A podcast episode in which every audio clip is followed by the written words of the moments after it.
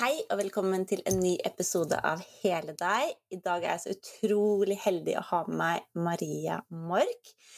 Hun skal få lov å fortelle litt mer om seg selv, men en av de store tingene som Maria fortalte meg for mange år siden, var omhandlet kjærlighetsspråkene. Og hun delte en blogg, jeg husker ikke hvor lenge det er siden, men den bloggen delte jeg videre til noen jeg kjenner. Et par som egentlig hadde bestemt seg for å gå fra hverandre, hadde bestemt seg for å selge hus og hjem og alt det der. Så leste den eh, det innlegget, ble kjent med kjærlighetsspråkene og ble kjent med Maria, og de er fortsatt lykkelig gift. Og da tenker jeg dette her, dette må vi spre videre. For kjærlighetsspråkene har i hvert fall hjulpet meg ekstremt mye, både i relasjon til meg selv, til relasjon til barna mine, i jobb og i parforholdet mitt.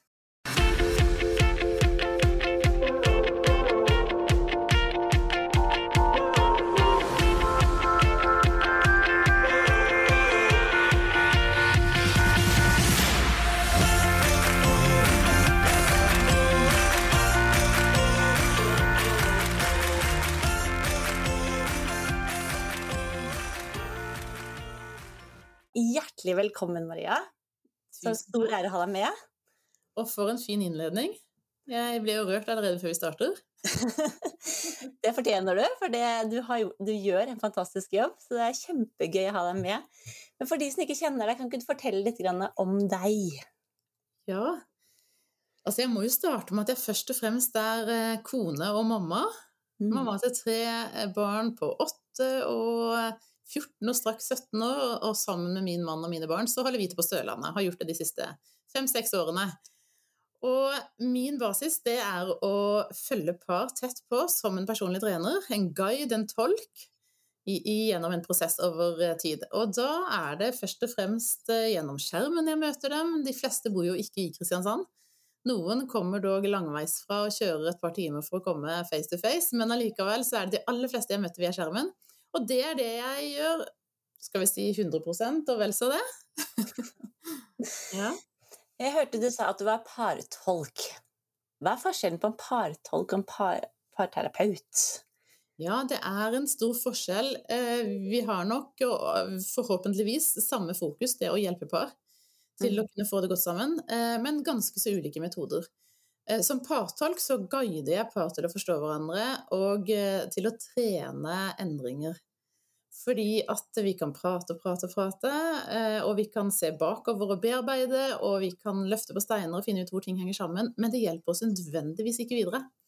Så Som partolk så er mitt mandat å hjelpe par til å forstå hverandre, men også å trene. Så vi bruker handlingsretta grep ut ifra å jobbe med praktiske verktøy. Vi bruker bl.a. å kartlegge paret i møte med hverandre, analyser som gjør at det blir veldig praktisk og litt sånn teknisk. Og det er mm. befriende for veldig mange. Mm så er det jo noe med at vi kan jo mye. Det er mye vi vet, sånn som begge vi to er jo foreldre. Og det er mye vi vet at vi burde gjøre eller kan gjøre, og så er det en annen ting hva vi faktisk gjør. Så akkurat det du sier med det å trene, det er så viktig. Det hjelper ikke bare å lese en bok eller få inn kunnskap, men vi må også øve og trene på det og få det implementert i vår hverdag. Ja, uten action, uten handling, så skjer det jo ingen endring. Nei, okay. så, så, dette her har jeg drevet med i Ja, jeg starta opp i 2010, da sa jeg opp jobben min i barnevernstjenesten, og starta på scratch.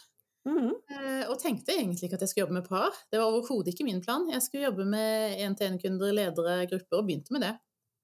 Eh, og med praktiske verktøy i forhold til analyser og i forhold til å jobbe coaching og utfordring. Alltid hatt fokus på at uh, det å gi et nytt perspektiv, selv der det virker vanskelig og låst, så fins det mm. muligheter. Det har vært perspektivet mitt hele tiden. Og så sendte jeg par videre uh, til de som drev med sånt, terapeuter og, og, veiledere, for jeg tenkte at jeg kunne ikke jobbe med par, jeg som ikke hadde det perfekt i mitt eget forhold. Og så har jeg jo skjønt at uh, ingen har det jo perfekt. Nei. Nei. Og så var det egentlig mine kunder som insisterte etter hvert på at jeg skulle jobbe med dem som par. Mm. Så, så jeg jobba med dem én til én. Og da sa jeg ok, la oss prøve, da. Se hva som funker. Og det var jo som å komme inn i en hovedpulsåre, en sånn stor gate hvor det bare skjedde så mye. Og det gikk ikke lang tid før jeg fikk lede par sammen igjen som hadde vært fra hverandre. Og det var ikke så lenge etter jeg møtte det paret du refererer til, tror jeg, som, eh, som da er som veldig mange par jeg møter. Møtt veggen, kjørt seg ordentlig i grøfta. Det har blitt altså så flatt batteri og vanskelig å være sammen. Som det jo er for veldig mange. Det er en kjempetøff jobb å være i et forhold. Og, og, for mange par så er den eneste løsningen å skilles, ser det ut som. Og så får man kanskje også veiledning på å gjøre det mm. andre terapeuter. Og det er der jeg roper veldig høyt. La oss prøve partolking før dere tar det steget, for tenk om det er mulig. Mm. Og så mm. viser det seg for veldig mange at det er faktisk mulig å få en ny start sammen. Ja. Noen ganger så trenger man jo bare å få en forståelse og liksom en ny vinkling også for å løse det ut, ut av noe. Så det er kjempebra. Jeg er så glad for at du fins. Så hyggelig å høre. Mm. Men en av de tingene som, eh, som jeg har oppdaget, da, veldig, som jeg, har hjulpet meg veldig mye i mine forhold, jo, eller mine forhold til de relasjonene jeg har, er jo det med kjærlighetsspråk. Mm. Um, kan du fortelle litt om hva kjærlighetsspråk er, og hvorfor det faktisk er, er så styrkende for et forhold? Ja, altså kjærlighetsspråk, det er jo et navn på rett og slett det man trenger for å kjenne seg verdsatt, elska. Et mhm. språk man kan bruke for å kommunisere kjærlighet på, rett og slett. Jeg mm. bruker ofte ordet drivstoff ja, som en betegnelse. Fordi det er akkurat som, eh, som, disse bilene våre, de trenger ulike drivstoff. Om det er diesel eller bensin, så er det jammen ikke likegyldig hva du fyller på bilen. Og i dag så er det jo veldig mange elbiler, så du må komme på strømmen. Og, og jeg syns det er en, et veldig godt bilde på nettopp det med kjærlighetsspråk. Det, det, hva er det som fyller opp tankene våre? Hva er det som gjør at vi fungerer godt, har det godt? Og i et forhold, i et kjæresteforhold, det å kjenne seg elska er jo mm. hele basisen for mm. å være i et forhold. Og så kan man bruke det også i andre relasjoner. Jeg har jo vært en del ute i arbeidslivet med foredrag og kursprosesser. Eh, og det er klart at eh, Hadde man hatt liksom på døra si skilt ikke bare navn og tittel, men også hvilket kjærlighetsspråk man har ja. Så Jeg husker jeg snakka om den barnevernstjenesten jeg var innom, og, og jobba med de ansatte. at hadde, hadde, man hatt det, så kunne lederen gått inn om morgenen og bare 'Vær så god, en kaffekopp her, og et klapp på skuldra der, og en klem der, og noen gode ord der'. Mm. I at det er ulike språk. òg. det er en mann som heter Gary Chapman, som har skrevet en bok som heter 'De fem kjærlighetsspråkene'. Mm. Og, og, satt det i et system som de fem kjærlighetsspråk. Så kan det godt være mange mange flere språk, men det er en måte å se det på. Mm. Og som gir oss eh, et godt bilde av ulikhetene. Og kjærlighetsspråk, det er jo ikke bare ett språk vi kommuniserer kjærlighet på, det er jo mange språk, men det er gjerne et primærspråk du har. Mm. Og det som overrasket meg veldig, er jo hvor lett det er å gi sitt eget kjærlighetsspråk. Og kanskje da liksom bli litt sånn skuffa over at eh, partneren ikke liksom satte så pris på det du ga. Ja. Og så istedenfor at du får, får energi av å gi din kjærlighet, så får du egentlig bare skuffelse tilbake for at den personen ikke satte pris på det engang. Ja. Og det, det, har i hvert fall jeg syntes har vært kjempespennende med det med kjærlighetsspråk. Å vite både nære meg selv med mine kjærlighetsspråk til meg selv, men også nære meg selv ved å kunne gi det den andre personen faktisk vil ha. For det er jo hyggelig å gi kjærlighet. man får jo mye tilbake av å gi det den andre personen ønsker å få, da. Definitivt. Men det er klart at om din bil trenger diesel, så, så, og, og, din mann trenger, sin bil trenger eh, bare bildet da, på bensin, og du bare trumfer på med 'nei, fyller på diesel', det funker jo overhodet ikke, selv om det er ditt uh, mm. drivstoff. Og det er litt sånn at Hvis du gir gaver og gaver og gaver, så er ikke det språket, det er ikke den kanalen man blir truffet på eh, hos din mann eller din venninne eller kollega, så er det klart at det, da, blir det, da blir man ikke Den ser ikke at det treffer. Det gir Nei. ikke den gleden det vil gi deg. Nei. Og det er klart at eh, veldig mange sier at ja, men jeg er meg, og jeg kan ikke forandre meg, og, og ikke sant, den derre eh, Man skal være seg. Og så tenker jeg at ja, det kan du, men da trumfer du gjennom noe som ikke gir glede. Så mm. det å velge å gjøre noe som ikke nødvendigvis er naturlig deg, det er jo det som kan være veien å gå for å skape mer kjærlighet hos den andre. Mm. Og det er jo dette jeg ser hos veldig mange par jeg møter, som har kjørt seg fast, som har flatt batteri. Mm. Eh, de har forsømt det å gi hverandre kjærlighet på den måten som hver av dem trenger. Mm. Men det er jo mange som ikke nå vet hva disse kjærlighetsspråkene er. Skal vi ta en liten sånn eh, litt, liten gjennomgang på de ulike punktene, eller de ulike fem. Så kan man jo sette det på seg sine egne kjærlighetsbriller og lure på hm, hvem er jeg, og hvem er disse hva, Den personen jeg lever med, hvem, er, hvem tror jeg den er? Mm. For jeg vet ikke hvordan du opplever det, men jeg kan i hvert fall oppleve at vi har lettere for å gi, som du sier, gi diesel hvis vi selv vil ha diesel. Mm. Og eh, det kan være en sånn nysgjerrighetsgreie på både på å bli kjent med seg selv, da, Hva er det du vanligvis gir, og hva er det du vanligvis får? Mm. Så kan ikke du ta oss litt sånn kjapt igjennom de fem ulike språkene? Ja. Eller kjapt eller langt, eller gjør akkurat det. det er vanskelig å snakke kort om det. Men, ja. altså De fem språkene, veldig kort eh, skissert, så sier vi at det ene språket det er verbale anerkjennelser. Altså det å si ord, som 'jeg liker deg, så fin du er', 'godt jobba'. Man sier det med ord, bekreftelser. Mm. Og de som har det, de eh, trenger det gjerne som ferskvare. ikke sant? Det hjelper ikke at du sa det for ti år siden, og det, det gjelder til jeg sier noe annet. sant? Du må ha det ofte. Mm. Så er det fysisk nærhet. Det sier seg sjøl. Eh, det er nødvendigvis ikke full pakke at det må være sex. Det kan være det òg. Men det kan mm. like mye være det håndtrykket, eh, det stryket på kinnet, det å bare være borte, sitte inntil, være i armkroken. Det å være nær. Og så har vi tid. Og tid er, eh, kan også være så mangt, men det er jo det å føle seg prioritert fremfor noe annet som er viktig. At du vil være sammen med meg, og prioritere å være sammen med meg. Og tid, det kan være fem kvalitetsminutter, eller et øyeblikk for den saks skyld. Eller det kan være å finne på noe action sammen. Det kan være å sitte i sofa og se en film sammen. Det er mange måter å ha tid sammen, men det å føle seg prioritert, det, det er viktig. Og så har vi språk nummer fire, som er gaver. Og jeg tar det i en rekkefølge som kan sies i hvilken som helst rekkefølge. Det er ikke noe eh, Absolutt. Viktig, men uh, gaver det er jo selvfølgelig å gi noe, da. Og det kan være den der fineste, flotteste diamantringen. Uh, men det kan også være et lys ifra Nille som symboliserer at du lyser opp tilværelsen min og varmer meg. Og når jeg sier at det er såpass variabler imellom hva det betyr, både med tid og gaver og sånn, så handler det om at Eh, I kjærlighetsspråkene så snakker vi om fem språk. Dette var de fire. Det femte det er tjenester, hva man gjør for hverandre. Det å eh, ja, ta oppvasken eller eh, måke bilen, eller nå tar jeg og legger unger, så kan du få lov til å gå en tur. Altså det å Ulike ting man gjør for hverandre. Og når jeg sier om kjærlighetsspråk er fem språk, så snakker jeg veldig ofte om at det er litt tynt hvis vi bare stopper der. Fordi at innenfor hvert språk så er det mange dialekter. Mm. Og det er jo der partolkingen kommer virkelig til sin rett. Fordi at det handler om å forstå hvilken nyanse av det språket er det du trenger, hvilken dialekt av det språket er det du trenger. Jeg har møtt så mange som sier at jeg gjør akkurat som du sier, eller akkurat som kona mi sier, jeg gir henne gaver, eller jeg sier sånn. Men det, det, treffer jo ikke, det hjelper jo ikke. Og så begynner vi å utforske litt, og så handler det jo om at han ikke gir på den dialekten som hun trenger. Som eksempel, jeg begynte dette med gaver, da. Sånn, gaver, en flott diamantring til mange tusen kroner. Mm. Det er godt mulig at det treffer virkelig hjertet, men det kan like mye være at det er den symbolske gaven som treffer mest. Og jeg husker så godt første oppdagelsen, den skikkelige oppdagelsen jeg fikk av dette her, det var egentlig i forhold til en venninne av meg. Hun er en, en, dame som har ting på stell. Det er nesten tellekanter i skapet. Hun kjøper ting med kvalitet, og har garderoben Den fyller hun opp hvert tiende år, skulle jeg si, med et system. Mm. Mens, uh, mens, jeg er nok mer en sånn som, uh, som tar ting litt mer som det kommer. Ikke akkurat tellekanter i skapet, men selv om jeg liker å rydde. I hvert fall, når vi da ga gaver til hverandre til bursdag, jul og sånt, som vi gjorde en periode, så fikk jeg altså så flotte og dyre gaver av henne.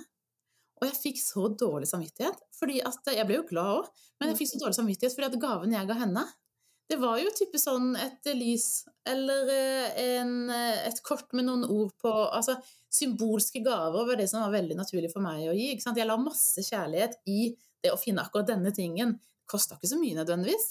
Mm.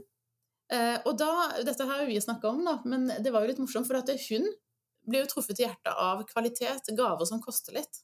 Mm. Ja. Mens jeg blir jo mer truffet i hjertet av det som handler om symbolikk, som viser at denne gaven betyr så mye for meg fordi at du betyr så mye for meg. Ja. Så det var en sånn uh, tydelighet på eh, at gaver er ikke bare gaver. Det er ikke Nei. sikkert at du må bruke så mye penger på det, men rett og slett legge sjela di i det og ha en tanke bak. Så, så det er et, eh, et, av disse dialekt, ja, dialektperspektivene. Men, men verbale anerkjennelser også er jo veldig typisk.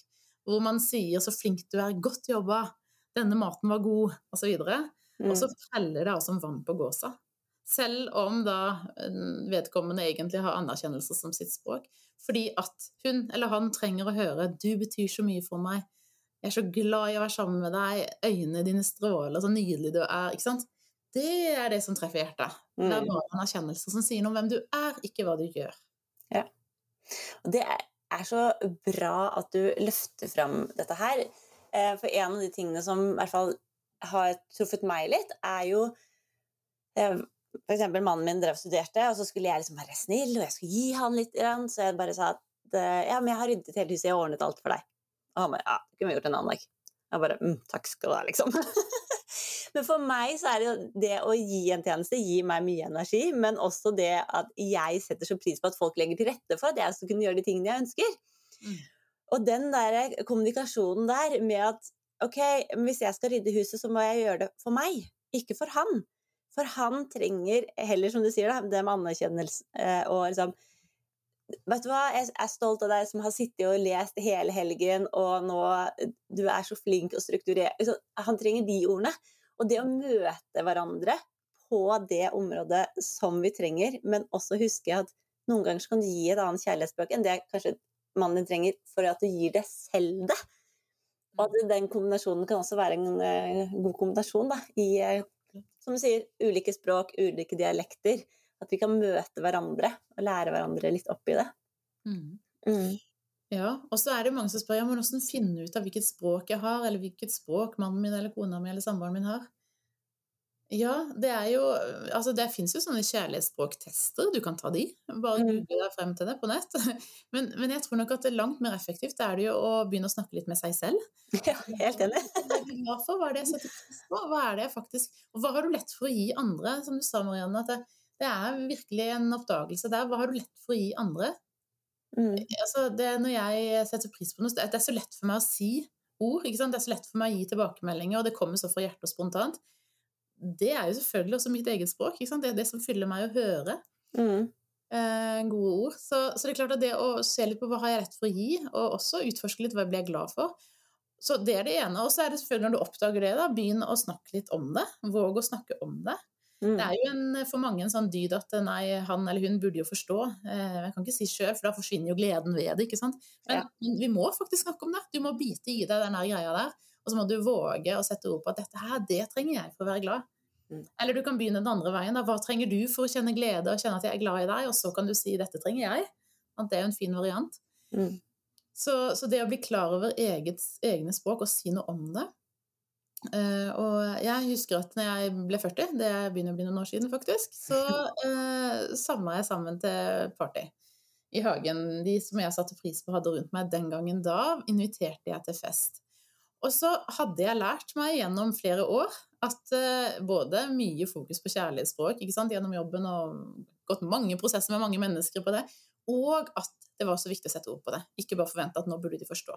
Mm. Jeg har også opplevd skuffelse i livet, bl.a. fordi at jeg ikke har vært tydelig på hva jeg ønsker og hva jeg trenger. Mm. Og da tenkte jeg nei, nå er jeg voksen, og nå har jeg lært såpass mye, og jeg guider og utfordrer folk til dette, da skal jeg jammen gjøre det sjøl òg. Så når folk spurte meg hva jeg ønska meg, så sa jeg at jeg ønsker meg nødvendigvis ikke fysiske gaver. Men jeg ønsker meg at du kommer, og at du blir så lenge du kan.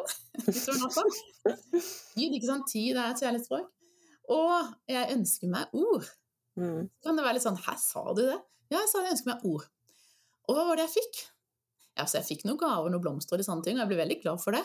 Men de kom, og de blei til langt på natt. og det var så mye taler i den, eh, den, festen at det var noen av gjestene som syntes kanskje det ble litt mye. Men jeg er jo fylt opp fortsatt ja. av det som skjedde på den festen. Ja. Og det syns jeg er eh, Kanskje er det noe lytterne trenger å høre. At, eh, at det å våge å si noe om det, mm. det er respekt for deg selv, men det er faktisk respekt for andre, andre også. Sånn at mm. de kan få lov til å møte deg på den måten du trenger. Ja. De som er rundt deg, de er glad i deg, og de ønsker at du skal få lov til å få det du trenger, og det du blir glad for. Mm. Jeg pleier å gi et eksempel med, apropos det med eh, bursdagsgave eller julegave. At det er så utrolig mye lettere å gi en gave til noen som sier 'Jeg ønsker meg denne boken'. Og så kan du kjøpe den boken, og så vet du at den andre personen blir glad for det, enn når en person sier ja, men du trenger ikke kjøpe noen ting, men så skjønner du på en måte at det ligger noe under der, noe de egentlig ønsker seg, og så må du prøve å lete det fram. Mm. Og det å være litt sånn raus og snill med hverandre, da, og rett og slett våge å si, si, litt hva vi trenger og hva vi ønsker, er jo veldig befriende. Både for seg selv og for andre, for det er veldig mye hyggeligere å få den gaven som du faktisk ønsker deg, enn den basen som du bare tenkte Oh my God, hvor, hvor kom den fra, liksom? Ja, og som jeg, meg, da. Jeg ønska meg ikke noe ting. Og det sånn var det jo når vi gifta oss også. Sånn hadde vi faktisk det begge to. Vi ønska oss ikke så mye ting. Så vi ønska oss penger så vi kunne gi til noen som trengte det. Den gangen da gjorde vi det. Eh, og det er klart at det er jo det som gleder mest, så kanskje er det ikke gave som trengs, men det er eh, tid sammen, ikke sant. Det er å invitere ut på en lunsj, eller det er å overraske kanskje med et eller annet. Eh, og gjøre noe ord. Det kan være så mye annet man egentlig trenger enn disse fysiske gavene. Mm. Og, ja. Og så er jo spørsmålet da hva er det partneren trenger? Mm. Hvordan finne ut av det? Og det er klart, det er jo akkurat på samme måte som du skal finne ut av ditt eget. Spør. Vær nysgjerrig, spør. Men test også ut. Om ikke du får noe svar, test ut ulike.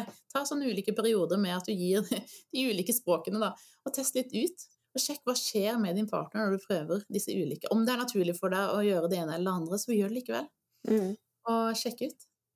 Men det, kan, det, som jeg også har gjort, er at jeg har sett på hva, hva den personen gir meg. Mm. Det er så lett å gi sitt eget språk.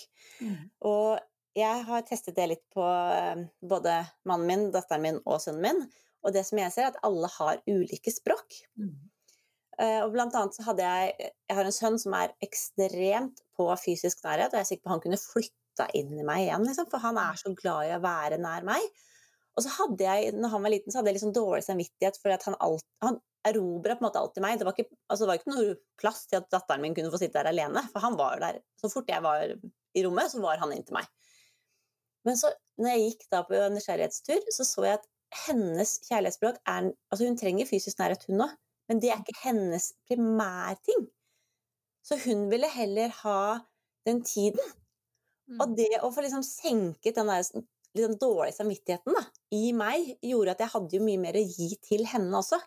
For jeg visste at hvis jeg, selv om han satt på fanget, så kunne jeg jo se på noe som hun likte å se på, um, sitte og tegne med henne og gi henne tid. Og det også syns jeg har vært en sånn veldig befrielse.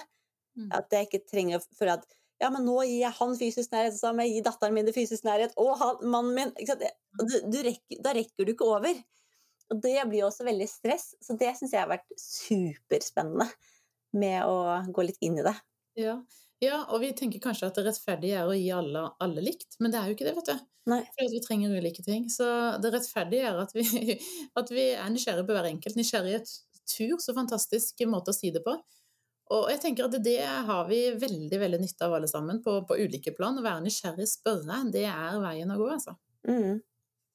Og det er jo veldig lett å sammenligne seg med andre, spesielt sånn som nå med sosiale medier, og der vi på en måte blir veldig eksponert for mye på en måte, krav, i anførselstegn. Men, det der, bare, men hva er det vi egentlig her og nå, hva er det vi egentlig trenger, hva er det vi egentlig ønsker både å gi og å få, da? Og så tror jeg det er viktig å være klar over at eh, det kan forandre seg gjennom årenes løp. Hva som er ditt primære kjærlighetsspråk. Ja. Og, og, det handler jo kanskje om at det er ulike ting man trenger til ulike tider. Eh, og jeg snakker jo om disse fem språkene litt som sånn blekk, blekkpatronene på skriveren jeg hadde for noen år siden.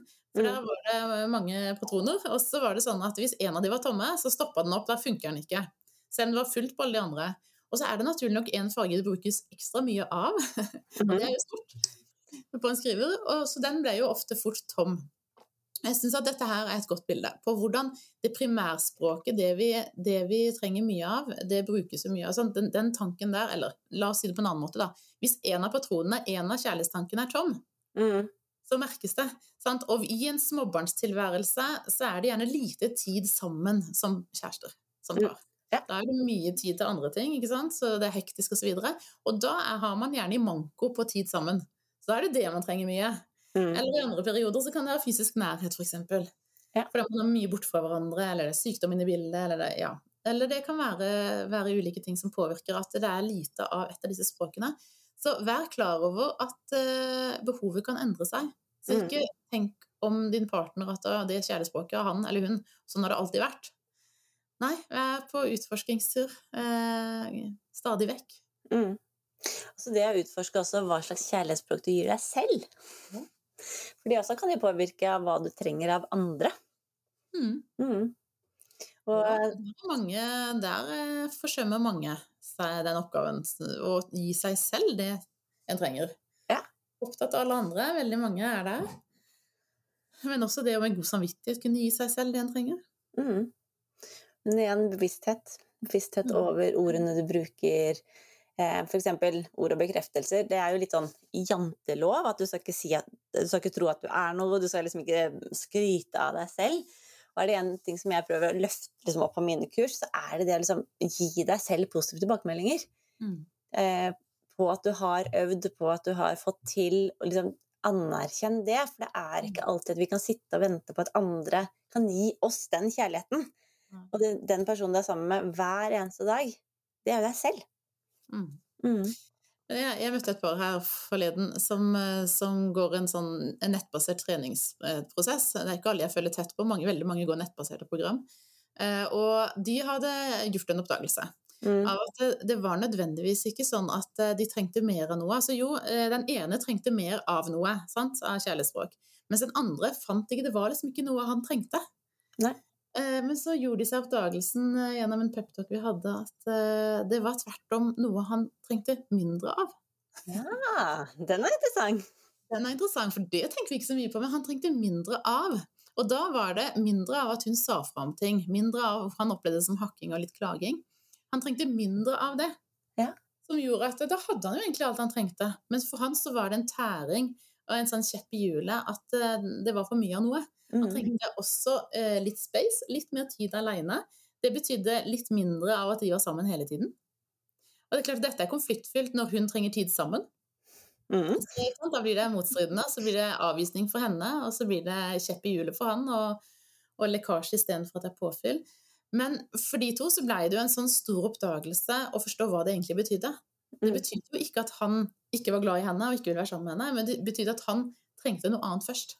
Og det var rett og slett fravær av noe istedenfor påfyll av noe. Så det var en stor, stor oppdagelse. Og det er klart at det, da er det kanskje det som er veien å gå. Og tenke litt etter hva er det vi, er det vi kan få lov til å strippe litt vekk? Mm. Med og tærer som uh, har mot sin hensikt istedenfor at de gir påfyll. Ja. Og kanskje Nå kjenner ikke jeg det paret, men kanskje også hun kan gi seg selv den kjærligheten som hun trengte. At hun ikke må sitte og vente på andre. For det å sette av tid til seg selv, det å gi seg fysisk nærhet og gå og ta en behandling, det å liksom gå og kjøpe seg selv noen blomster Det går jo an å fylle på kjærligheten til seg selv også. At vi ikke forventer at alltid det er partneren da, som skal fylle på. Hvis han trenger litt mer space, så kan du gi deg selv litt mer tid med venner og barn og liksom andre ting, da i påtolkningsprosesser så har, vi, så har vi en liten sånn formel som vi ofte går ut ifra, og det handler om å bli klar over hvilken intensjon vi har. Mm. Altså hva er målet vårt? Men intensjon er enda et bedre ord, da. Hva er egentlig intensjonen vår? Jo, vi mm. vil spille hverandre gode, eller vi, vi vil kommunisere med glede og trygghet, kan det være, eller godhet kan være en intensjon. Og når man velger en intensjon, så er man helt nødt til å skjerpe holdningen. Sånn at holdningen samsvarer med intensjon. Mm. Og, og, i holdningen til f.eks. det å spille hverandre gode eller godhet, så handler det om at jeg tror at du vil meg godt, og jeg vil deg, velge å ville deg godt, men også å ville seg selv godt. Mm. Og holdningen til seg selv kan være like stor del av den ryddejobben. Mm. Hvilken holdning har jeg til meg selv? Tenker jeg om meg selv at jeg er glad i meg selv, at jeg er verdt å elske, eh, at jeg har noe å komme med, at jeg er god nok for min partner? Det, det handler ikke bare om holdningen til din partner og holdningen til prosessen. Så å refte der med å, å, gi seg selv eh, kjærlighetsspråkene man trenger, gi seg selv godhet, så handler det rett og slett om holdningen du har til deg selv. Mm. Så hvis intensjonen din er å ha det godt med din partner, så må du også skjerpe holdningen til deg selv. Ja. Har du noen gode tips på hvordan du på en måte kan for å komme inn litt på akkurat den der, med hvordan du kan hold, skjerpe holdningen til seg selv for å kunne gi til andre? Altså, det er jo ren og skjær mental trening. Mm. Rett og slett. Hva velger du å si til deg selv? Ja hver enda dag. og kanskje kan det være en sånn symbolikk for deg at når du tar på deg genseren, så forteller du deg selv at eh, 'jeg er verdt å elske', eller mm. 'jeg er god nok'. Når du tar på deg buksa, så kan det 'jeg har en styrke i meg til', eller 'en kraft i meg til å skape'. Sånn, så kan du ha setninger som hører til de ulike plaggene. Det er en måte å hjelpe seg selv til å trene. For kle på deg gjør du hver dag. Eller om du tar en liten runde med deg sjøl når du er på, på, på do og snakker til deg selv, eh, strekker deg, har setninger og ord som du pepper deg sjøl med hver gang du er på do, for det må du også være i løpet av dagen noen ganger. Ja. ja heng det på lapper osv., sånn at du blir, du blir påvirka av det du ser, det du hører. Og da er det faktisk den jobben du må gjøre, det er å ha oppmerksomhet på hva du lar deg høre, hva du lar deg se. logge sosiale medier hvis det er med å trekke deg ned. Mm. Og det kan vi jo si i bøtter og spann, at eh, det er, eh, det er veien å gå. Du må velge sjøl hvordan du gjør det. Men vær klar over at det du sier til deg selv, det du lar deg se og høre, det påvirker deg. Og du blir det du sier til deg selv. Mm. Mm. Jeg pleier å si vær mot andre som du vil at andre skal være mot deg, men vær også mot deg selv som du vil at andre skal være mot seg selv. Ja, det er Den siste setningen der er det mange som glemmer. elske sin neste som seg selv. Mange må snu på det. Elske seg selv som sin neste. Mm. Så det er jo innafor samme gata. Veldig, veldig viktig. Og for noen så Noen er jo veldig gode til å ta vare på seg selv. Som mm. tvert om trenger å trene opp fokuset på hva trenger den andre. Mm. Det å trene opp og se at det kan være andre perspektiv her. Mm. Verden er nødvendigvis ikke bare sånn som jeg ser den, for det er noen som har mye av de dominante og tydelige trekkene på at det er sånn jeg ser det, sånn er det. Eh, og er god på å ta vare på egne behov. En god styrke, men en bakside hvis man da glemmer å være nysgjerrig på andres behov. Mm. Det er jo vekt, det er en balanse. Det skal være liksom like jevnes ut her. Og i, eh, altså mange par er jo stikk motsatt. Det er jo ofte at man er en av hver, eh, eller blir chill i møte med hverandre, så man blir mot, motsetninger. Og da sier jeg at det er jo nettopp det vi skal. Vi skal få lov til å være forskjellige og også balansere.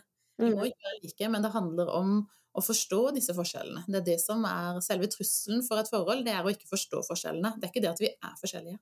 Nei. Jeg synes også, jeg vil trekke tilbake det som du sa i sted, det med å ta på seg en genser, ta på seg en bukse, være på do.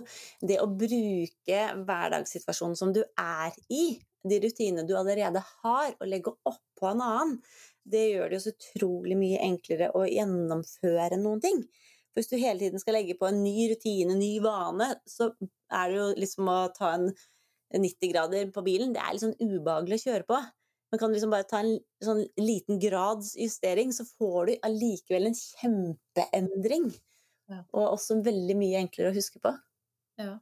Men jeg tror at eh, mange gjør en liten bommert med å starte og si til seg selv, putte på, veldig bra, teknikken er riktig, mm. men glasset er jo fullt.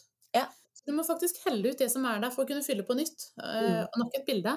Det er klart at du er, har masse lagra i kroppen din, i minnet ditt, eh, ubevisst eh, setter det seg i kroppen, på holdninger, ting du har blitt påført eller har påført deg selv gjennom mange år. Kanskje til og med fra du var liten har opplevd ting som har satt seg. Så det å gjøre prosesser, ulike teknikker man kan bruke på det med å gi slipp på det som har vært, tømme mm. ut, rett og slett, det gamle, mm. for å gi plass til det nye. Og der òg er sånn helt konkret fysisk. Altså åpne opp hendene dine. Mm. For når du lukker hendene dine, så er det jo ikke mulig å putte på noe nytt i hendene dine. Du åpner opp og la det slippe taket. La det renne av deg. Altså, eh, si det Si ut faktisk det du ikke vil ha lenger. At du gir slipp på holdningen til deg selv som er negativ. At du gir slipp på alle minnene av å føle deg avvist. At du gir slipp på å være overvelda av sorg eller av ensomhet. Du gir slipp på det. Mm. på alle nivåer, ikke sant? Og så kan du putte på at du tar imot og gir plass til det å være elska, det at du er god nok. At du er ikke aleine, du er faktisk sammen. Den beste personen du kan være sammen med, det er deg. Mm. Så viktig. Og det er, vi har jo, Veldig mange snakker om tid. Vi har bare 24 timer til Jeg har ikke tid til noe mer. Og det er akkurat det samme som du sier. Da. du må gi slipp på noe. Du må skape rom for å ha mulighet til å fylle på med noe annet også. Mm. Og det å sette av tid til seg selv og til partneren er jo noe som er veldig viktig. Mm. Mm. Men jeg tror det er så viktig å ha øynene oppe og kanskje ta inn det perspektivet ikke bare kanskje, helt sikkert, ta inn perspektivet på at vi er forskjellige, vi skal være forskjellige. Og det er jo der partolkingen kommer inn. Det med å forstå disse ulike sidene i oss. Hvordan vi blir til i møte med hverandre. Når den ene blir tydelig og rett på sak, så kan den andre bli utydelig og ullen og kanskje til og med stille. Det stopper opp i hodet, man klarer ikke å si noe. Mm. Da er det så vanskelig å begynne å utforske kjærlighetsspråket, eller begynne å gi hverandre kjærlighet, eller kjenne seg trygg i relasjonen. Det å forstå hva, hvordan kan vi snakke sammen om dette her? Mm. Om snakke om hva vi trenger. Det er så utrygt. Den ene blir irritert fort, eller den andre blir stille fort. Ja, vi spiller hverandre gode eller dårlige. Eller den som har lett for å forholde seg bare til følelser og snakker ut fra følelser, og er i tankeprosess mens man snakker, mens den andre har lett for å ha tenkt ferdig når han snakker, eller mm. hun skal presentere noe, så er det mer ut fra analysetenking, fakta, logikk. Sånn, totalt krasj. Og det er jo der guidingen, tolkingen, kommer inn. For å hjelpe til å åpne opp forståelsen av hva betyr det. Mm. Så når dere snakker om kjærlighetsspråk, eller hva dere trenger, ikke stopp der, men fortsett å spørre hva betyr det du sier nå? Mm. Når du sier tid sammen, hva betyr det for deg? Eller når du er stille nå og du ikke sier noe, så tenker jeg at du ikke bryr deg, men hva betyr det egentlig? Mm. Eller når du er, snakker med veldig skarp og hard stemme nå, så føler jeg at du er irritert på meg, at jeg har gjort noe gærent, men hva, hva er det egentlig som skjer hos deg? Og så er den andre bare engasjert, kanskje. Ikke mm. irritert i det hele tatt. Så det å være utforskende også på å sjekke ut hva betyr det, det ref tolking og guiding, så er det der virkelig gjennombruddet skjer for veldig mange par, når de oppdager at oi, her har vi jo faktisk misforstått hverandre. Ja. Så er det jo eh, hvordan vi reagerer på f.eks. toneleier, da. Har jo mye med, som du nevnte også tidligere, hva, hvordan vi kanskje den, ble møtt med den tonen når vi var små, eller hva den, eh, også hva den tonen betydde for foreldrene sine foreldre. For vi er jo blitt Det vi har med oss, har jo blitt båret med oss i generasjoner. Så vi er oppdratt på gjerne den måten som foreldrene våre ble oppdratt, minus litt av det som de foreldrene ble oppdratt. Så det er jo det er mye som henger igjen som ikke vi er bevisst på i det hele tatt. Men som påvirker oss, som du sier, med toneleie og 'nå ble jeg stille' og Ja, det er jo noe vi har tatt med oss fra starten. Det er det. Vi bærer med oss mønster. Mm. Uh, og inntil vi blir klar over det og kan ta et oppgjør med det. Mm. Eller som jeg sier, gi slipp på det.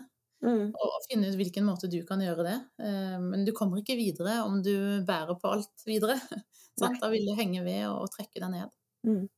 Og hver eneste dag så har vi muligheten og evnen til å lære oss noe nytt. Muligheten og evnen til å utvikle oss.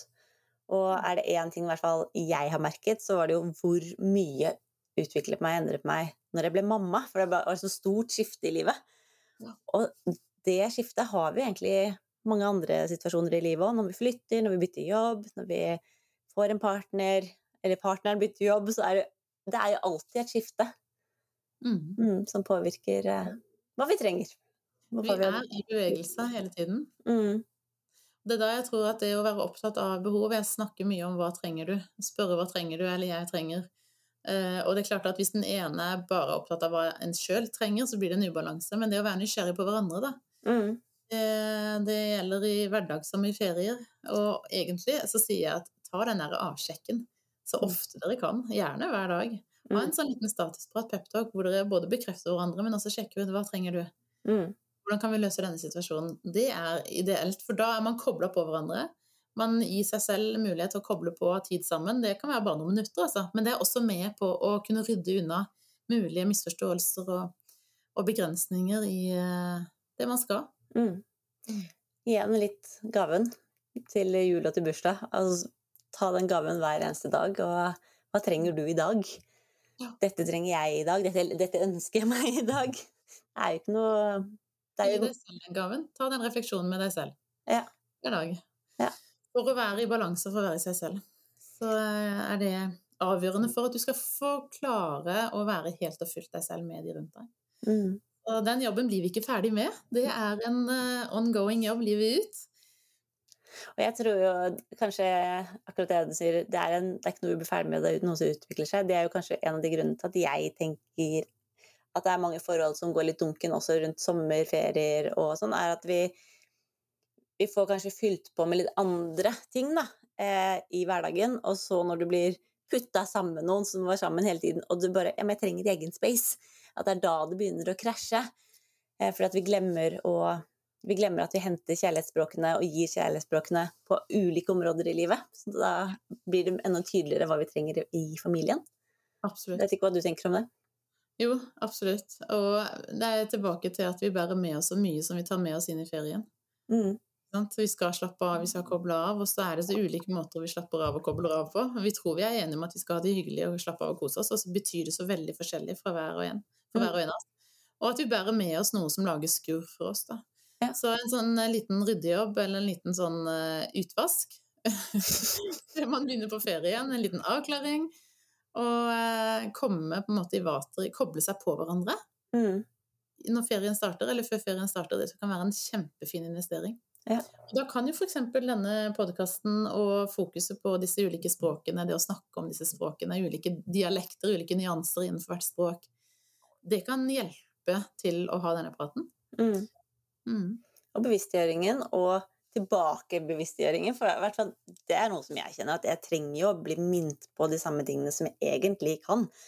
Mange ganger fordi at vi sklir liksom tilbake, og så må vi hente oss inn en gang til. Ja. Mm. Så det er kjempebra. Og du vet at Dette her er jo sånn som kan sette i gang hjertepumpa igjen. Jeg snakker mye om det med å, å, altså det å jobbe konkret i forhold til å skape en uh, hjertestarter. Vi snakker om partolkens hjertestarter. Det er et, uh, et sånt lite miniprogram man kan bruke som hjelper deg til å gjøre én ting hver dag som er med å sette i gang noe mellom dere to. For det å ta action det er det som skaper resultater. Og det er akkurat det vi trenger. Vi trenger akkurat som et støt Mm. For å få hjertet i gang igjen, eller for å få hjertet i gang i en ny rytme. Ja.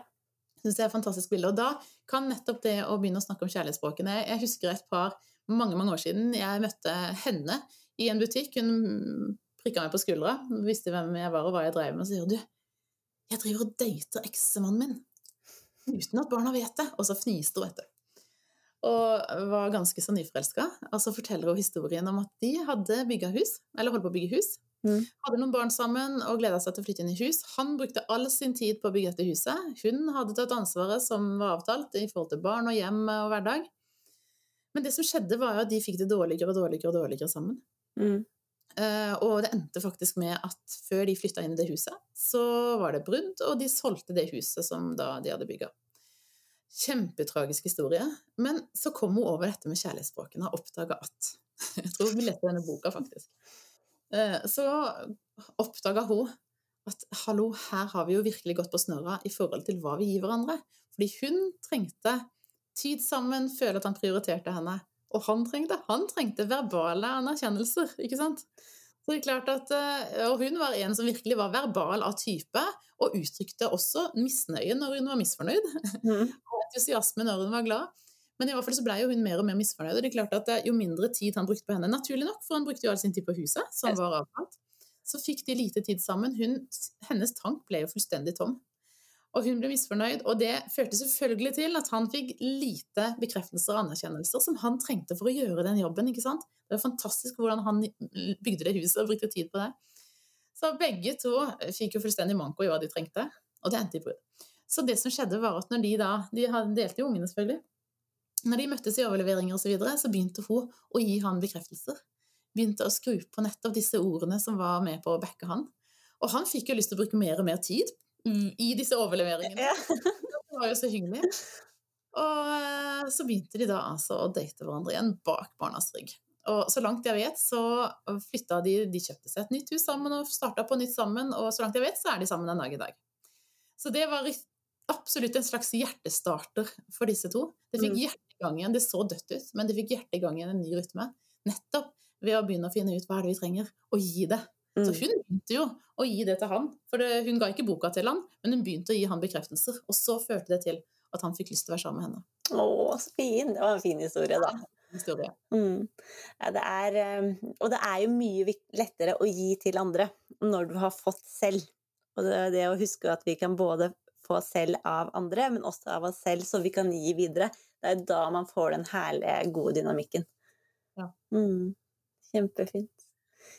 Det jeg, jeg, jeg kunne ha sittet og skravla om kjærlighetsspråk i mange timer. Mange. For dette syns jeg er så herlig.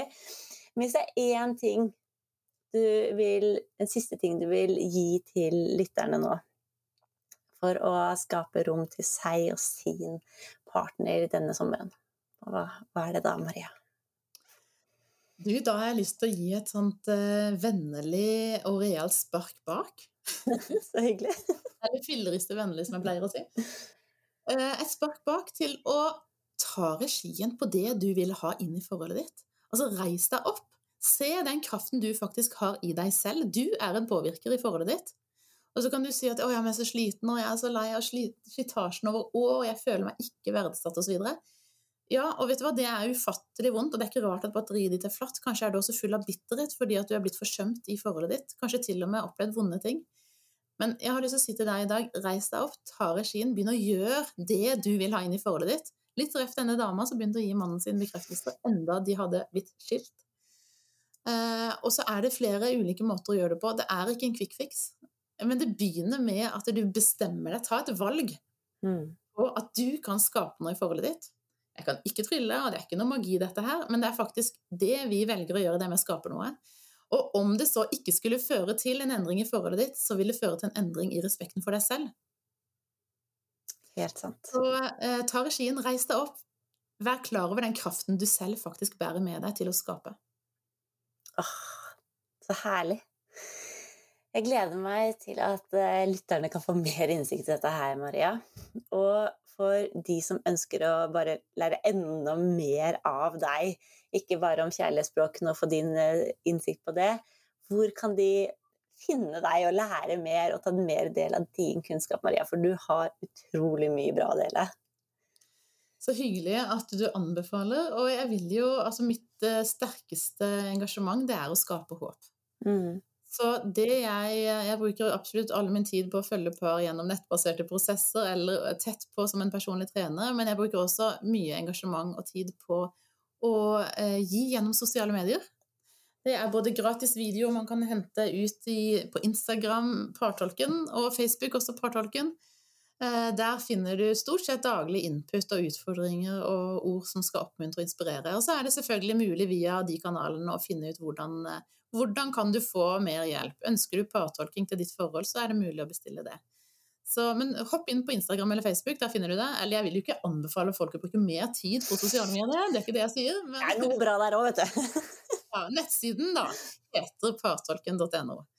Så kan du jo gå direkte dit om du vil det handler jo om å være bevisst når vi er på sosiale medier også, og hente ut det vi trenger og det vi ønsker, og la det andre ligge. Og sånn er det jo også med disse episodene og ja, livet generelt. Bruk det du har lyst på, det du trenger, og kast resten. Og ha fokus på hva, hva du trenger selv for å nære, som du kan gi videre utover. Mm. Tusen, tusen takk, hjertelig takk, Maria, for at du var med gleder meg til å dele enda mer av og med deg. Og takk for at du var med på Inspirerte til eh, hvordan parforhold kan eh, skapes og bli enda bedre. Både i vår egen relasjon og i relasjon til hverandre. Ja. Takk for meg, og takk for tilliten. Og lykke til med å teste ut og sjekke ut og prøve å skape kjærlighet. Mm. Tusen takk.